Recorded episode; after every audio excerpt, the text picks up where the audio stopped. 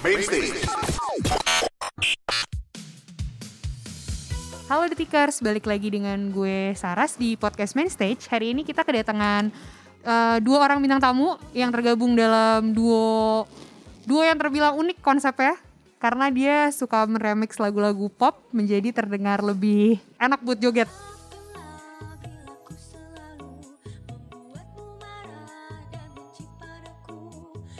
Langsung aja kita kasih tahu uh, namanya Phil Koplo. Yeay, Yoi. halo semuanya. halo, halo, halo.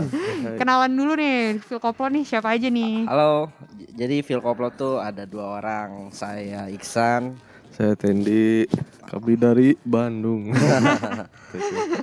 Oke. Nah, eh, kalian kan baru sebelum Lebaran kemarin ngeluarin mini album judulnya Akulturasik ya. Iya betul betul. Nah, tapi kita ntar bakal ngobrol-ngobrol soal si Akulturasik ini. Cuma Boleh. sebelum ngobrol-ngobrol soal mini albumnya, kita bakal eh, tanya-tanya dulu tentang perjalanan karir kalian. Eh, biar detikers lebih kenal dengan kalian. Oke. Eh, sebelumnya gue pengen tahu dulu nih, eh, kalian tuh awal mula eh, Ihsan sama Tendi bergabung dalam Phil Koplo tuh gimana sih ceritanya sampai akhirnya bisa membentuk duo dan kenapa terpikir konsepnya tuh kayak eh, meremix lagu-lagu pop jadi dangdut, Jadi dangdut gitu. ya. Mm-mm. Sebenarnya awal pertama tuh karena eh gue sama Tendi kan sekampus, Mm, padahal beda angkatan sih mm, masuknya, tapi umur mah sama ya kita. Soalnya saya SMA juga, jadi waktu di kampus emang apa ya? Gue kepikiran untuk ya ada aja ide selewat gitu, kayaknya nge apa ya nge-remix lagu lagu yang biasa didengerin jadi dangdut lucu gitu. Karena emang sebelumnya pernah ngedengerin eh, lagu-lagu pop luar negeri yang di remix jadi dangdut. Jadi Oh. udah ada gitu di YouTube tuh sebenarnya. Jadi ter- apa ya? Ya dari situ gitu si muncul idenya tuh. Cuman masalahnya pada saat itu tuh gua nggak ini nggak nggak nggak ahli dalam meremix lagu Oh. gitu. Makanya perlu adanya Tendi gitu. Itu juga ajakannya juga cuman kayak gini misalkan Tendi tuh lagi di lagi di ini ya Ten, lagi di taman kampus ya Hmm. lagi ngerokok dia lagi nungguin apaan gitu gua nggak nggak sengaja nggak eh, apa nggak sengaja ng- nggak sengaja gitu ada si Tendi tapi ide tuh udah ada di kepala Ten ya basa-basi gitulah apa kabar gimana gimana gimana karena emang jarang ketemu juga sebelumnya. Ini orang ada kepikiran bikin kayak gini kayak gini bisa nggak? Ya udah ntar malam dicobain deh gitu. Nah, pas apa ma- malamnya langsung dibikin ya Ten ya? Mm. malamnya langsung dibikin sesuai sama keinginan Keinginan eh, lo gitu, heeh, bayangan lo lah ya. heeh. terus alhamdulillahnya tuh beberapa hari setelah itu tuh ada temen yang lagi mau bikin acara namanya Halloween pa- Halloween Party nama acaranya tuh Pesta Rakyat tahun 2018 bulan November. Hmm. Nah, jadi wah lumayan nih langsung dapat panggung padahal padahal baru cuman ada satu lagu kan yang dibikin sama Tendi itu. Udah aja sekalian kan bikin aja satu set eh s- lagu satu set sejam ya berapa Hmm. lagu sih Ten dulu tuh? Ah, berapa ya? Baru 6 tujuan lah. Oh, sekitar Tetap sejam sih, nggak dapat sejam kan campur sama sama yang lain, remixan Oh iya, orang iya. lain. Jadi pada akhirnya ngebikin lagu-lagu remix untuk manggung di situ.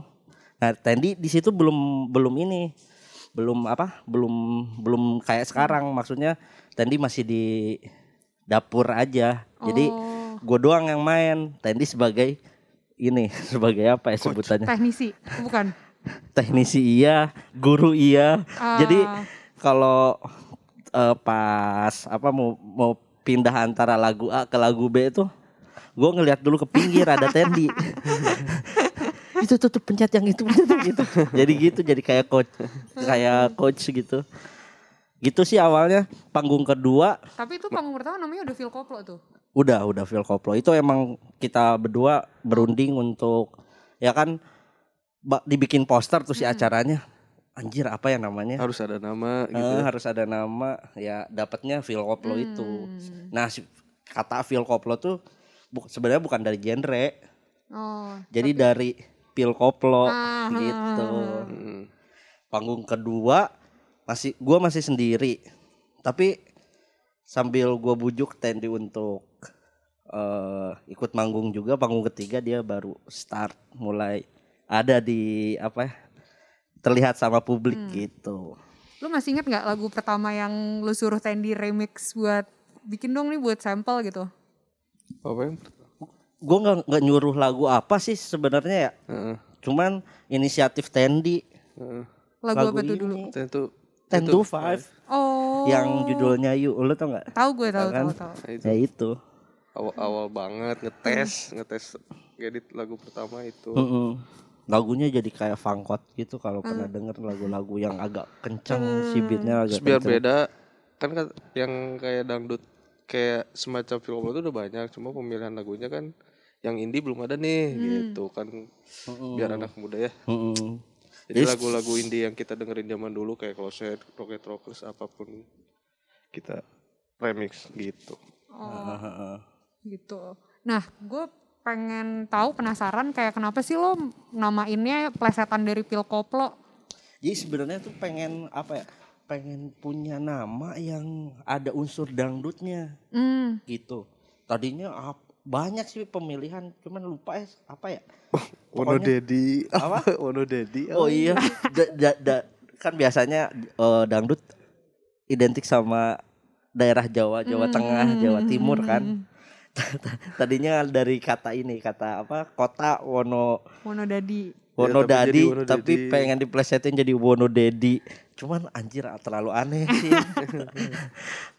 Kepik ada apa sering denger koplo-koplo gitu kan dangdut koplo ada. Ya udah aja feel koplo.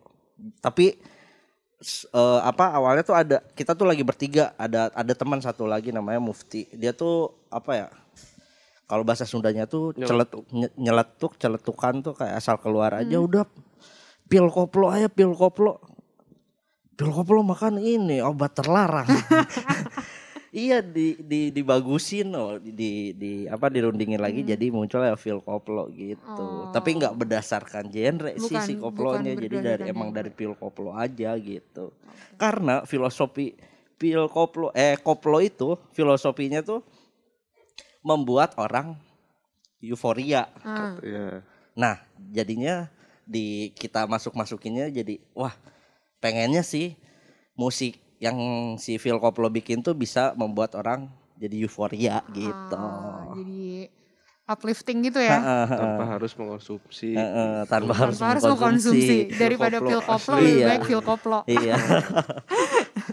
Nah, em, awal kalian kan muncul kayak setelah era banyak sebelum kalian kan se- sebenarnya banyak yang udah ngeremix lagu-lagu pop Indonesia kayak Diskoria Iya, terus iya, ada Disco Pantera gitu-gitu Iya, iya. juga. Nah, kan kalian muncul nggak lama setelah era itu kan. Mm-mm. Nah, tapi yang menjadi pembeda tuh adalah karena kalian ngebawa ini jadi dangdut gitu kan. Iya. Hmm. Awalnya sulit gak sih untuk eh, ibaratnya eh, orang kan kalau misalnya denger dangdut eh, ih eh, dangdut gitu Ah, maksudnya. Nah, tapi justru gue tuh uniknya kayak lu tuh bisa memutarbalikan stereotipe itu gitu loh Iya, kayak lu dong gara-gara nggak tahu sih gara-gara kalian berdua tuh kayak dangdut jadi dimainin di klub-klub SCBD gitu kan. Iya, itu, itu wah, bangga juga sih kita tapi lu pada akhirnya. akan kayak gitu?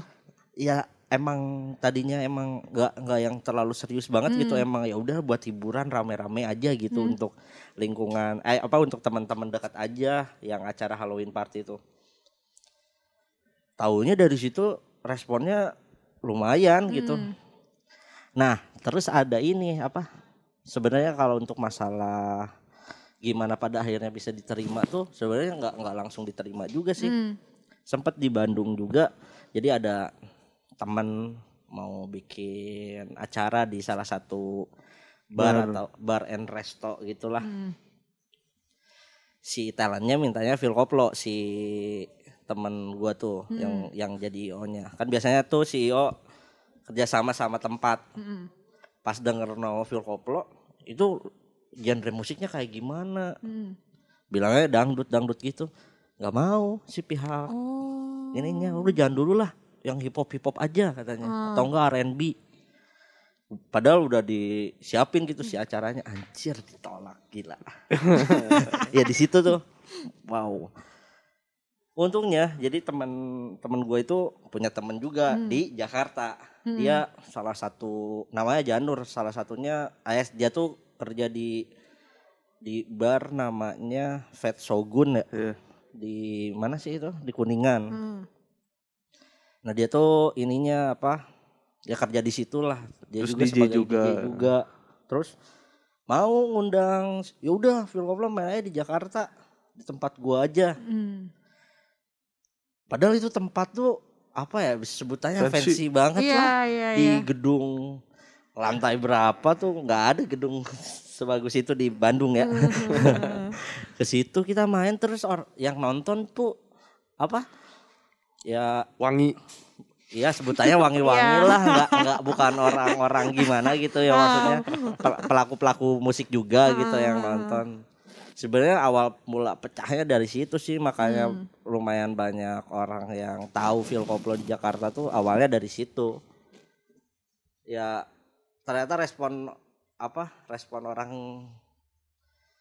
eh ya res- ternyata respon di Jakarta lebih awal daripada Bandung di tuh Bandung. Heeh, jadi Hmm. setelah main di situ barulah eh, tempat-tempat di Bandung baru mau nerima gitu Berarti ketika di uh, ketika lo awal dibikin justru belum ada agenda untuk kayak ibaratnya meng- menangkis stereotipe kalau dangdut tuh kelas bawah dan segala macam gitu-gitu ya. Justru agenda itu muncul dengan sendirinya ya pada Betul. akhirnya. iya Emang apa ya kayak ide-ide bermunculan tuh pas kan awalnya aja ngajaknya nggak sengaja kayak iseng eh ini ini ini nanti ada main ah, oke. Terus bikin akun Instagramnya. Post. Misalkan waktu itu kita ngepost lagu eh, apa Closet Cukimai gitu-gitu. Tiba-tiba artisnya nge-repost. Mm. wah. Jadinya kayak wah ini mah harus serius nih. Hmm. bisa nih nanti izin ke band ini.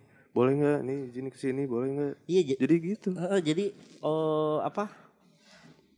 Lagu-lagu atau lagu-lagu yang kita remix tuh kita post posting nih.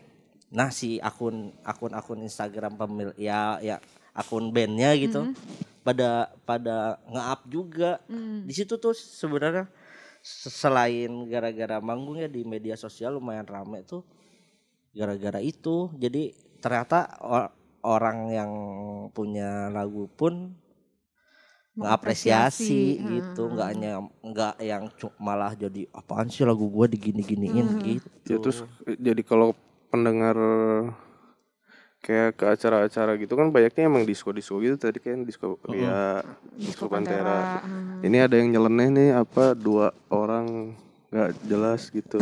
Terus bawain dangdut tapi lagunya Lagu pop. eh gitu kan jadi kayak tahu deh. momennya aja pas sih Hmm. di situ lagi rame tuh disco diskoan karaoke Hmm. karaoke lagi rame juga tuh kan di situ nah si Phil Koplo datang dengan nuansa ya eh, sebenarnya masih mirip cuman apa ya nuansanya aja gitu berbeda gitu Mm-mm. biasanya kalau yang karaoke ya cuma nyanyi aja ya sama jingkrak jingkrak misalkan nah kalau sama Phil Koplo jadinya orang-orang sambil nyanyi tapi sambil joget Hmm.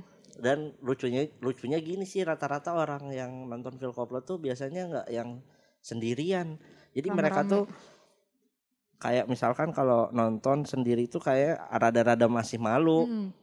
Eh, kalau grup-grupan misalkan nonton bertiga berempat baru tuh mereka bisa heboh kayak kalau sendiri masih, Masih ada malu-malunya nggak ada temennya Hmm. gitu Iya, gue gue tuh tertarik banget sama kalian karena gue tuh di catatan kaleidoskop 2019 gue jadi kayak detik tuh tiap tahun bikin kayak rangkuman musik setahun gitu.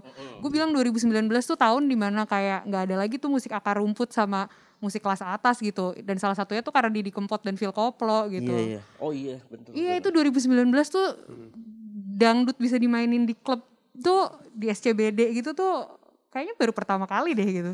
iya Hmm, campur sari dangdut gitu. Bukan eh, bukan di Jakarta doang malah kan ada cerita kayak di Jogja bar tiga lantai gitu. Oh Lantai iya, jadi atas klub tuh itu masih klub-klub klub EDM gitu. Hmm. heeh, Jadi sebelumnya si ini ya, ownernya tuh lagu lagu Indonesia aja nggak boleh play di Oh. situ apalagi Dangdut. aliran yang Hmm. Heeh. Tapi si ownernya bilang "Ah, cobain deh ya berani lah gitu Phil Koplo nyobain ya udah pecah terus lagi ya Iya, jadi jadi tuh si si klub tuh tiga lantai. Mm-mm. Jadi lantai satu restoran, lantai dua tuh untuk band atau DJ DJ yang nggak Chill. terlalu Chill. Heeh, ya lagu yang nggak terlalu party banget lah. Yang lantai tiga tuh emang klub yang penuh dengan apa ya vis oh, lampu-lampu yang emang tuh gemerlap banget lah. Jadi si ownernya tuh, yuk oh, Phil Koplo main tapi di lantai dua pertama kali. tuh. ngetes Heeh. Wah rame nih di lantai dua. Oh, Pak, eh, sampai penuh lah.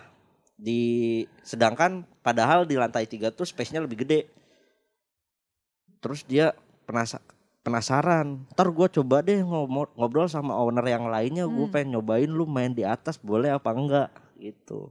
Eh ternyata dibolehin nyobain ternyata pertama kali tuh eh, musik-musik dangdut dimainin di klub-klub ya bisa dibilang mewah juga sih Hmm. gitu. terus Ya, selain itu juga jadi kayak selain Phil Koplo tuh banyak lagi yang bermunculan yang baru-baru misalkan Hmm. yang di Bandung aja ada dua terus di kota mana Bali ada Jogja ada yang yang serupa gitu jadi kayaknya wave-nya Iya, jadi wave-nya lebih kuat lebih gitu. kuat gitu. Semakin banyak orang yang apa ya, melakukan itu yang melakukan itu jadinya ya semoga nggak cuman hype se Sesaat. sesaat doang gitu. Mhm. Jadinya ya udah terus aja semoga terus ada Ah. gitu. Ya, TikTok ada apalagi gitu. Heeh. TikTok tuh ya Heeh, oh iya gara-gara TikTok Nah. remix remix gitu juga kan Nah. juga gara-gara TikTok. Iya. Ya emang selalu harus ada pemantiknya sih bener. Nah, yang bikin kuatnya lagi itu sih bener si sebelum adanya platform apa TikTok kayaknya orang-orang apa ya sebutannya orang apa ya cewek-cewek wangi lah biasanya yang, yang joget joget kan. Bentukannya oke-oke tuh apa ya visualnya oke lah dilihatnya. Yang ya bisa dibilang gaul-gaul gitu. Hmm, ya dulu belum pernah sih lihat orang apa ya yang bisa Anak-anak dibilang gaul gaul, gitu. lah tanda kutip gaul joget-joget sama lagu-lagu yang emang rada geli gitu. Ah, ah, sekarang kayak udah biasa banget. Jadinya ya bagus sih alhamdulillah. Jadinya si Phil Koplo juga harusnya bisa terus ada gitu selama orang-orang udah terbiasa akan hal itu. Kan kalau dulu mungkin masih agak ragu. Hmm. gitu sih. Tapi gue justru penasaran nih, kalian kan ibaratnya udah em, me- membawa dangdut ke tempat yang biasanya nggak muter dangdut gitu. Tapi lo sebenarnya pernah nggak tampil di depan masyarakat yang beneran suka dangdut? pernah pernah pernah pernah di Solo ya di Solo nah itu mah emang riggingnya juga emang Rijing rijing dangdut banget tujuh belasan gitu tujuh belas aja di Ada lapangan organ gitu tunggalnya gitu. apa Ada organ tunggalnya gitu. itu teh Eh, siapa bukan. kemarin waktu itu teh artisnya teh sebelum aduh lupa eh nama Jadi sebelum apa ki- kita emang di pas awal tuh terakhir ya waktu itu teh. Heeh. Cuma sebelum itu teh apa kayak beberapa artis tuh ya udah aja pure roots koplo campur sari gitu-gitu. Jadi ya itu mah emang acara dangdut bener-bener si talentnya semua genrenya dangdut. Hmm. Penontonnya juga ya warlock aja war- Hmm. warga-wargi warga-wargi gitu. Eh lumayan tegang. Sebenarnya itu kan pertama kali tuh ya Hmm. lumayan tegang soalnya mungkin DJ dangdut eh Yang live gitu. Oh, yang yang yang kayak Phil Koplo takutnya kaget gitu Hmm. warga-warga situ yang biasanya nonton dangdut ada ada penyanyinya, ada ya heboh lah gitu Hmm. biasanya kan dangdut ini cuma berdua doang pakai alat laptop controller dan ya cuman eh, digital lah gitu. Elektronik. Takutnya nggak diterima Hmm. sebenarnya itu sih si ya gua pribadi gitu punya rasa takut itu kalau di acara-acara yang emang sebelumnya belum pernah. Ternyata warga-warga masih Seneng juga ya. nerima gitu. Seru seru. Pengalamannya beda gak tuh tapi? Tampil di klub sama tampil di lapangan yang emang acara dangdut gitu? beda banget sih. Soalnya kalau kalau di klub mah ya apa ya? Terkontrol gitu ya. Di klub malah bebas banget Oh bebas Oh, banget. soalnya yang nonton ya mabuk bodo amat gitu ya udah mau mau mau mau mau musiknya rada salah dikit juga Ya enjoy udah. enjoy aja gitu namanya juga orang terpengaruh alkohol. Kalau di panggung gitu Hmm. bebannya sih lebih ini lebih apa? Lebih kuat. Soalnya harus interaksi juga sama penonton. Panggung gede. Panggung gede, kita cuma berdua doang gitu. Gimana caranya biar terlihat penuh? Hmm. Jadinya biasanya kita bawa gimmick sih kalau panggungnya gede Oh. gitu. Kayak misalkan yang pernah tuh di synchronize kita bawa Barongsai. barongsai. Hmm. Di panggung-panggung gede kita Di yang pernah tuh cheerleaders terus dancer pernah. Hmm, Terus di, di Bandung tau gak sih ada yang di Cikap Jalan Cikapundung yang hantu-hantu Asia Afrika. Oh Asia iya tahu Afrika. gue. Ha, ha. Ya. Dibawa semua ke atas panggung itu.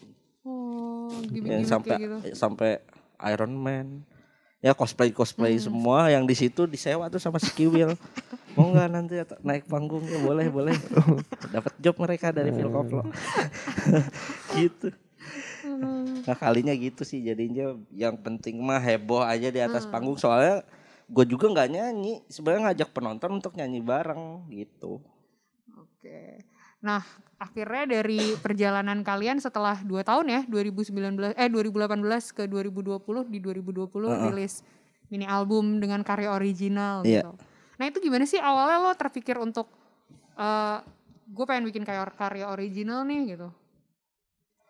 Itu apa ya emang eh kan Ego. Ah, ya pengen aja gitu selama ini selama ini kita apa ya jadinya cuman ngerespon Hmm. karya orang lain ya masa sih kita nggak mau bikin karya emang bener-bener pure kita yang bikin dari nol Hmm. gitu dan pengen sampai apa ya capaian mah pengen kalau manggung tuh kan biasanya Phil Koplo kalau manggung penyanyi nonton ya emang karyanya aja udah populer Hmm. Nah pengennya sih sampai pada akhirnya penonton nyanyi dengan karya original. original kita gitu.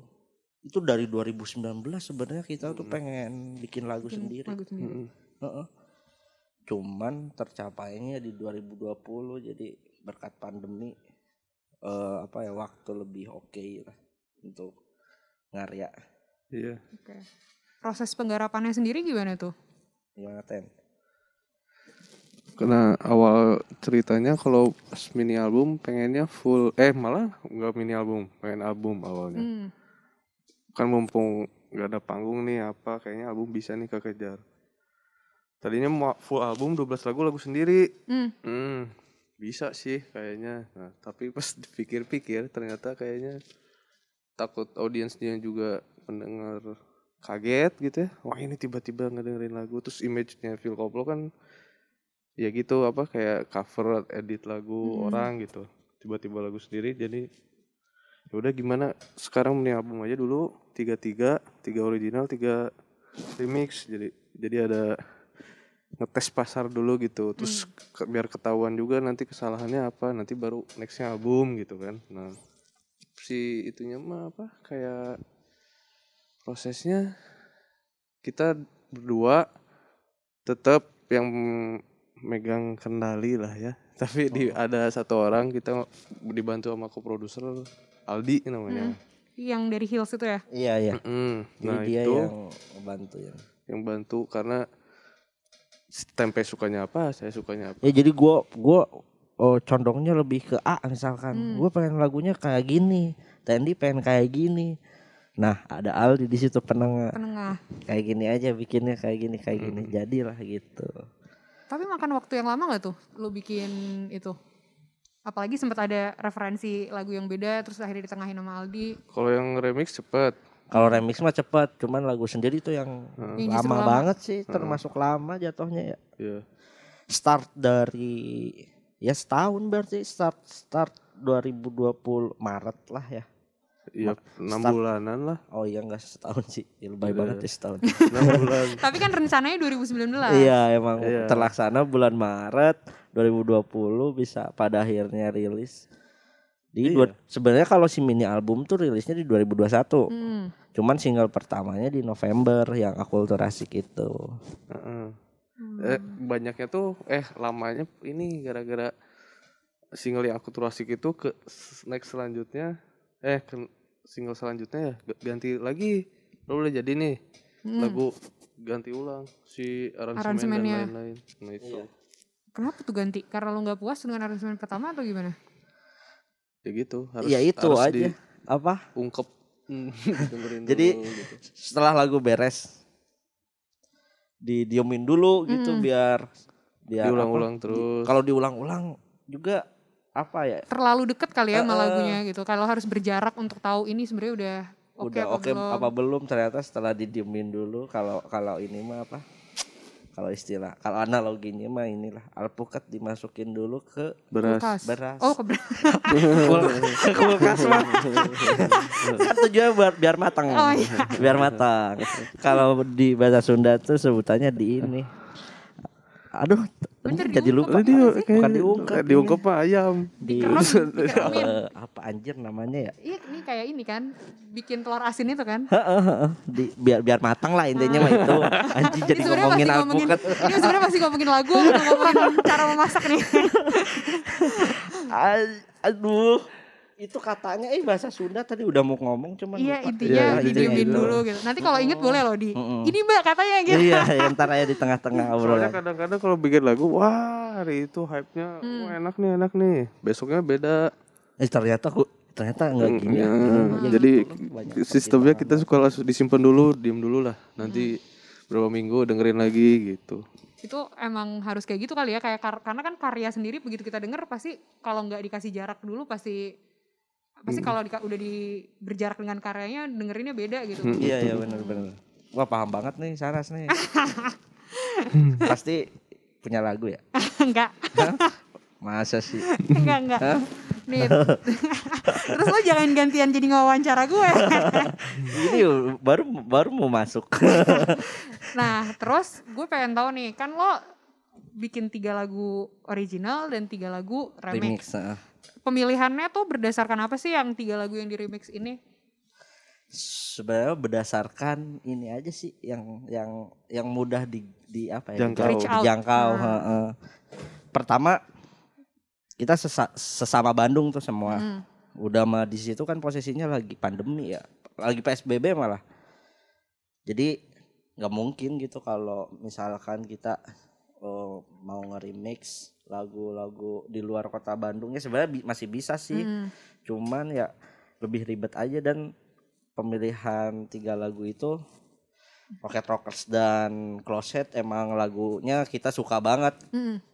ya emang apalah dulu zaman-zaman waktu masih sekolah emang sering ngedengerin gitu ya jadinya. Ngefans lah. Pada akhirnya ya siapa tahu bisa nih kita ajak kerjasama ternyata bisa terus yang Panturas emang yang masih sebarudak lah di ya umur juga nggak jauh cuma Hmm. sama malah seumuran gitu selalu sama Panturas jadi kayaknya bisa lebih gampang gitu sebenarnya pemilihan dari situ aja sih Karena sama-sama di Bandung ya. Heeh. Mm-mm. Nah kalau yang remix tuh eh kita bikin dulu apa draft lagunya, Mhm. pikirin, ya udah nggak apa-apa. Kalau udah kalau gitu langsung bungkus. Dua pantura sama kloset gitu ya sekali Mhm. doang. Kalau Rocket Rocket Rockers ada revisi berapa gitu sama si Kang Askanya, Askanya. Tapi penggarapan si remixnya itu lo kayak min- eh, minta mentahannya lagu mereka terus lo remix atau kayak mereka rekaman ulang? Rekaman ulang. rekaman ulang vokalnya ya Hmm. Karena nyari stem kalau Rocket Rockers kan beda vokalis. Waktu Hmm. itu kan Iya, masih ucai iya, Hmm. Ucarai sekarang udah Ah, hijrah udah kan hijrah. soalnya. kalau yang Panturas Acin tag vokal lagi itu ka- ah, karena nggak nempo waktu itu live recordingnya. Kalau yang closet stemnya nggak ada hilang gitu jadi si apa jadi itu masternya ya. heeh. Sayang jadi, banget ya. heeh, jadi vokalnya masih nyomot Heeh. Terus kata closet ya udah aja dari master aja bu ambil vokal katanya. nggak apa-apa Soalnya katanya nggak ada nggak apa-apa gitu aja ya udah. jadi makanya dari dari dari enam lagu tuh vokal yang kloset yang rada apa ya, tipis gitu kedengarannya Hmm. kalau yang lain mah jelas banget kan kayak yang Rocket Rocket sama Panturas karena itu soalnya masternya udah nggak ada si filenya udah nggak ada Hmm. Hmm. terus mau tag ulang eh, nemu waktunya susah Sulit, Heeh. gitu. Kita ngejar deadline juga. Heeh, ngejar deadline juga jadinya seperti ini tapi masih oke-oke aja sih menurut aku gua sih. Berarti dua berarti yang dua rekaman ulang, yang satu lagi si close head itu yang full remix gitu ya? Heeh, jadi dicomot aja dari lagu yang full lagu diambil Original. vokalnya doang Hmm. Oke. gitu. gue penasaran ini sih, lo kan eh, ibaratnya image-nya tuh duonya seneng-seneng banget gitu kan. Cuma tuh single kalian di mini album itu yang Huru Haru, Hura haru. Hura Haru, aduh gue kebalik-balikin.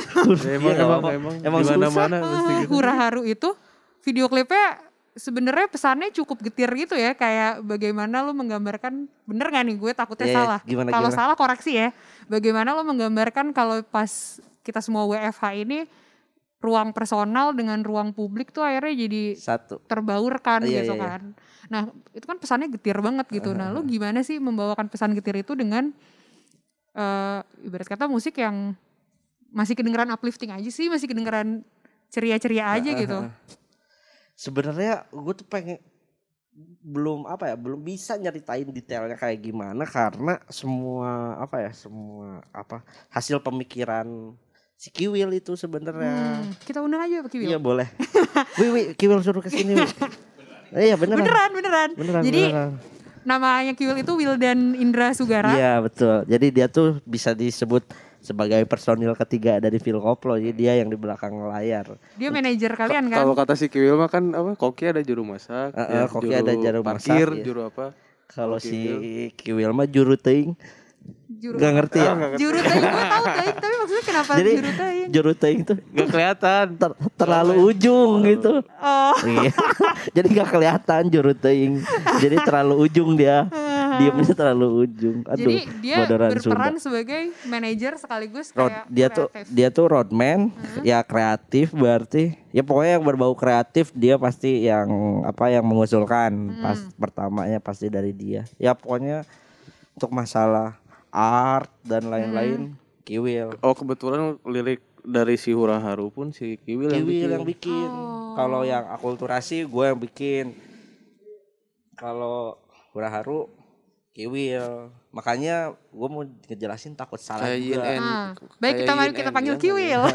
Nah, kita kepanggil Kiwil. mari kita panggil Kiwil. Nah, ini orangnya nih. Kita lagi ngomongin lo di belakang. iya nih.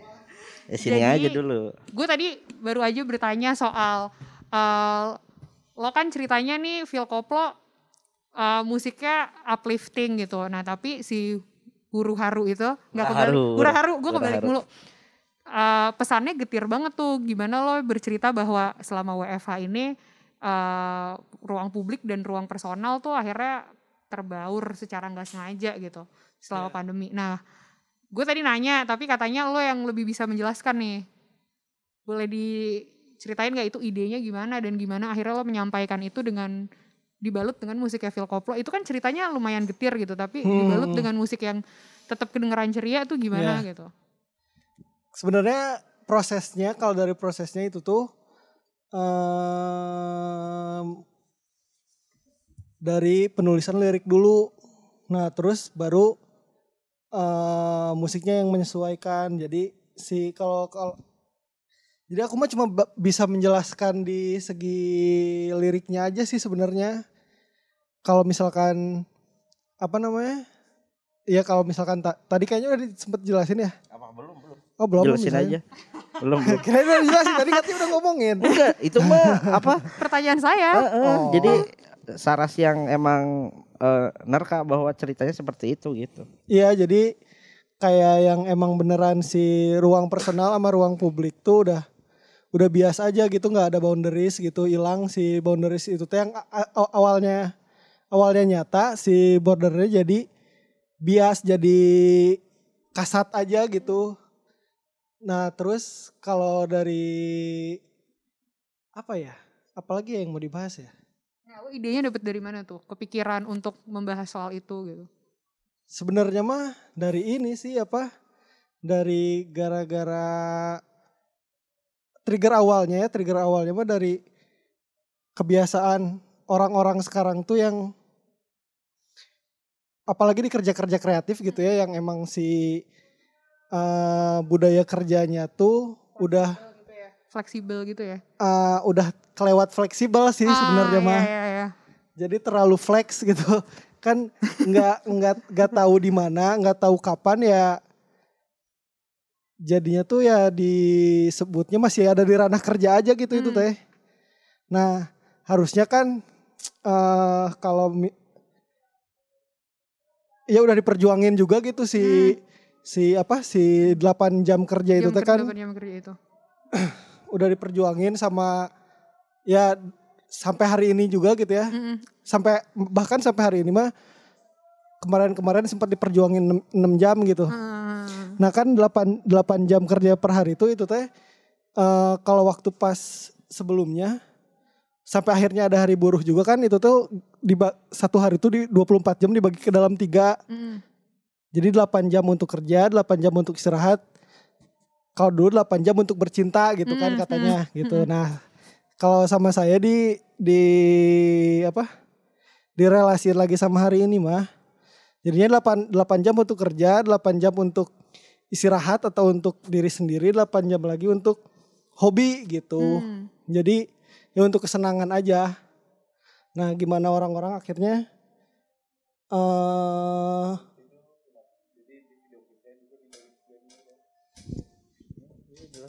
Oh iya, jadi nah itu juga di apa? Kenapa hal tersebut tuh digambarin di si video klipnya. Jadi ada di video klip itu tuh ada satu set yang emang eh, ngebagi eh dibagi ke dalam tiga set ke dalam tiga segmen gitu sih itu tuh ada set yang kerja set bercocok tanam sama set musik-musikan Hmm. Nah dan si sekat-sekatnya juga itu tuh pakai sekat-sekat plastik yang emang sebenarnya dari tempat kerja ke tempat eh, bercocok tanam gitu misalkan masih bisa ngelihat itu tuh ada kegiatan apa yang ada di situ terus perpindahan-perpindahannya juga random ngacak gitu kan. Emang beneran ya udah aja kayak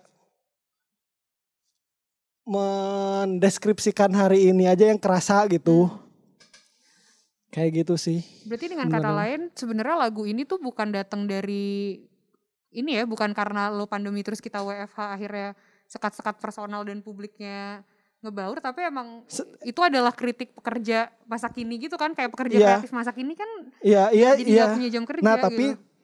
sampai hari ini gara apa sampai hari ini di kondisi yang seperti ini Mhm. itu tuh makin lebih kerasa gitu. Mm-mm. Bukan bukan cuma orang-orang kerja pekerja kreatif aja semuanya yang ya. ngerasa yang akhirnya ngerasa kayak gitu juga gitu kan. Mhm. Bahkan orang-orang yang ya teman saya misalkan ada di eh aparatur sipil negara gitu dia tuh. Terus ngambil cuti ya masih tetap aja kerja di depan laptop gitu dia tuh soalnya eh udah kebiasaan orang apa udah kebiasaan sama rekan kerjanya WFH gitu misalnya. Udah Jadi dikiranya WFH terus biar Eh, cuti. eh, walaupun walaupun dia tuh ngambil cuti gitu. Dan tanggal merah pun sama kayak gitu gitu. Iya iya. Jadi Bener, makin bener. makin makin apa? Ya gara-garanya ada pandemi ini tuh jadi eh makin kerasa aja di semua lini lini lini lini kerja gitu. Hmm. Oke. Itu, itu ceritain dong bikin liriknya gimana Nah, ceritain dong Ah. proses pembuatan liriknya. dan di mana. Jadi waktu itu tuh bikin liriknya saya teh lagi cuti juga dari mereka. Jadi waktu itu lagi lagi ngejalanin residensi Mhm. di Berlin. Mhm. Terus eh, mereka kan loncat-loncat gitu ke kota-kota. Nah, saya terus di di studio bikin bikin karya gitu kan. Mhm. Terus akhirnya anjir kerja terus. Ma- ya tap- eh, apa? Hal hal- hal-hal yang sebenarnya nggak nggak sama orang lain ini nggak nggak nggak bisa disebut kerja juga tapi padahal mah ini tuh kerja gitu kayak yang jalan jalan-jalan nyari sampah atau apa gitu kan. Kata orang lain mah itu bukan bukan kerja tapi menurut menurut saya sendiri itu teh bagian Kerja. dari kerja kreatif gitu. Jadi ya ke trigger juga gitu sama inget eh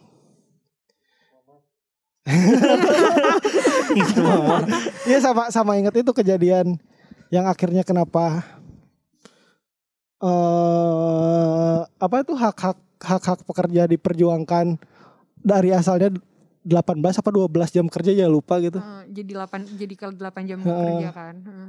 Oke. Gitu. Berarti kritik tentang kapitalisme juga ya lagunya. Kiwil banget. Kiwil banget itu mah emang. Tapi kayaknya nggak nggak nggak apa ya nggak nggak nggak nggak banyak orang yang Yang ngeh. ngeh Tapi kan ya itu tujuannya ke situ kalau gitu. kalau apa eh suatu karya yang bisa disebut berhasil menurut saya ya Hmm. menurut saya mah emang yang eh Multi tafsir multi gitu. ya multi multi multi tafsir gitu yang emang beneran nggak di satu pandangkan gitu Mhm. nggak satu dimensi cara ngelihatnya jadi ya udah aja bisa menurut si A gimana menurut si B gimana menurut si C gimana ya udah terserah pembaca akhirnya mah Mhm. Iya, Ya kayak kata Ronald Barthes juga the death of author is the rise of the reader gak sih? ya Jadi kayak matinya matinya si pencipta karya nih seorang penulis tuh justru kebangkitan orang yang menerima karya itu gitu. Oh, iya. Jadi begitu apa sih penulis mati begitu karyanya dilepas gitu. Kalau kata Ronald Barthes. Iya, iya kayak gitu. gitu jadi Gitu. sih udah Simpelnya kalau dari judul kan hura haru, Mm-mm. harus balance. Hura sama haru. Eh, sedih boleh, party oke, party oke. Ya jangan seneng-seneng terus, harus Hmm. sedih juga gitu.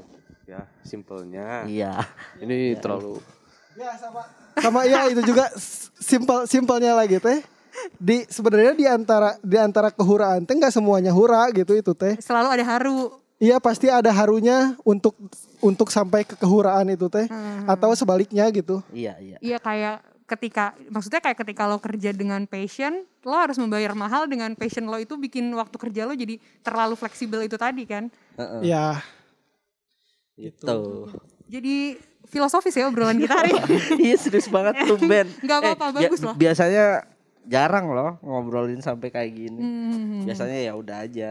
Surah seri. Sambil ketawa ketiwi. Ya, orang image Phil Koplo juga udah kayak gitu soalnya. Hmm. jadi ya emang pembawaan. Dah emang kita juga biasa bercanda. Iya dah emang. Makanya itu makan apa? Jangan kalaupun mau bawain yang serius. Eh, serius ya tetap gak dikemasnya usah. bercanda di- gitu. gak usah dibawa gak usah dibawa serius juga. Soalnya ntar kan bisi bosen gitu ya Hmm. jadinya ya udah aja kemas kemasnya mah hiburan aja jadinya juga kalaupun apa kalaupun bisa disebut kritis gitu ya jadinya bentukannya satir gitu Ah, ya lagu kritik nggak harus keras sih kayak Iya. lagu dangdut soal cinta dibawain di daerah penggusuran juga itu speak louder gitu. loh. iya iya benar Iya kan? benar benar Hmm. Ya dan momennya juga pas sih si Hura Haru itu kan waktu tahun lalu lagi rame-rame omnibus law gitu-gitu juga kan. Iya. iya Dan sebenarnya Phil Koplo juga kan eh apa namanya? Kayak berangkat awalnya juga kan dari keresahan-keresahan mereka yang eh nggak apa s- dangdut tuh dianggap stigma gitu. Mm-mm. Akhirnya anjir nih dikasih dikasih lagu dikasih yang diganti sama dangdut gitu lagu pop yang di, Hmm. digubah ke dangdut. Toh joget-joget juga gitu Iya, kan iya. jadinya ngancurin si Sekat-sekat kelas itu tadi. batas-batas ha. ah, batas-batas gengsi sebenarnya mah. Iya tadi gue sempat sempat ngebahas Iya. juga gimana akhirnya si Phil Koplo ini ngebikin musik dangdut yang selama ini dianggap grassroots bahkan dulu tahun 70-an Roma Irama versus Benny Subarja kan yang dangdut dikatain musik apa gitu-gitu iya kan. iya Terus oh akhirnya bisa tampil di klub-klub SCBD gitu. iya iya Anjir, gua gua lu iya iya? Lu gua, gua tadi mau ngomong cuman Lupa. iya emang Enggak enggak. Ayo lo pasti bisa. kayak gitu sih gua orangnya suka tiba-tiba hilang nggak tahu nih badan di sini jiwa mah lagi ke mana kadang Tapi kayak lu gitu udah inget belum ya tadi alpukat? ini di naon sih Will? Lamun ieu alpukat diasupkeun ka rubeas iya. Di peuyeum astaga. Di peuyeum itu mah. Jadi tadi kita ini ceritanya dia cerita proses penggarapan lagunya tuh dipeyem dulu gitu. biar mateng. Biar matang dipeyem ya gitu. Sok gimana? Sok. ras naon terjawab, deui ya terjawab, terjawab. Oke, next question ya. Heeh. Mas Kio kalau mau di sini boleh loh. eh lu be- berarti ini ya bisa bahasa Sunda ya ngerti gitu paham Jadi tukeran wawancara. ya nggak apa-apa sih jadinya jatuhnya kita ngobrol aja Oh iya benar-benar Ah, bisa bisa bahasa Sunda dikit oh saetik. nggak usah etik terus biasa ya iyalah kuliah di Bandung kan Nah, eh, gimana nih setelah lo rilis mini album itu kan di masa pandemi. Mm-mm. Eh, ada yang berpengaruh nggak sih si waktu perilisannya ini dengan kondisi yang lagi ada sekarang gitu? Yang ternyata kok lama banget. Oh, paling gue ngerasanya ini sih ngaruhnya di apa ya? Kayak jadinya kurang maksimal aja gitu untuk masalah penyebarannya ya. Hmm, Soalnya cuman bisa via online. online. Padahal kan biasanya kalau apa ya band atau apa pun ya, itu musisi ngerilis album atau mini album kan bisa jadi tour tiap kota atau apa. Nah sekarang nggak bisa. Sampai sekarang pun si Plan Civil Koplo tuh pengen ada live season gitu untuk khusus si mini album ini. Sampai sekarang belum kelar-kelar. Takutnya keburu basi juga sih. Ya ya ya jadinya nggak sebebas ini sih, nggak sebebas sebelum pandemi. Ya masalahnya di situ doang sih sebenarnya. Hmm. jadinya kayak merasa eh kurang nih kurang Gemes. gimana ya gemes gitu. Nggak nggak bisa ngapa-ngapain lah jadi ter apa ya terbatas gitu. Punya ide ini terbatas sama ini. Punya ide ini ya serba terbatas jadinya cuman itu itu doang. Mau nyari apa ya ide yang yang lebih bisa dibilang lebih liar atau gimana gitu kalau online gitu-gitu lagi Iya, soalnya iya. ya belum belum nemu formula yang lebih oke aja. Hmm. Kalau untuk plan setelah mini album ini dirilis, ada nggak kayak keinginan untuk apa gitu setelah ini? Pengen bikin lagi jadinya. jadinya entah en- ya sebenarnya mah apa ya cita-cita yang belum tercapai kan album ya. Hmm, yang Ya itu, 12 lagu itu heeh. tadi ya. Nah, paling itu sih yang kita kejar untuk untuk saat ini. Bisa jadi entah si albumnya full lagu original semua bisa jadi mix lagi kayak mini album, bisa aja Full remix. full remix, bisa juga belum tahu jadinya kita. Kalau apa ya kalau bikin musik mah masih terus masih dibikin Dipeyem. dipeyem Dipeyem. dipeyem heula Di PO. gitu. Oke, Phil Koplo, terima kasih udah ngobrol-ngobrol bareng gue untuk menemani detikers yang lagi dengerin. Yoi. Terima Jangan lupa baca juga. artikelnya di Detik Hot dan nonton videonya juga di 20 detik. Sampai ketemu di podcast Main Stage minggu depan. Bye. Bye.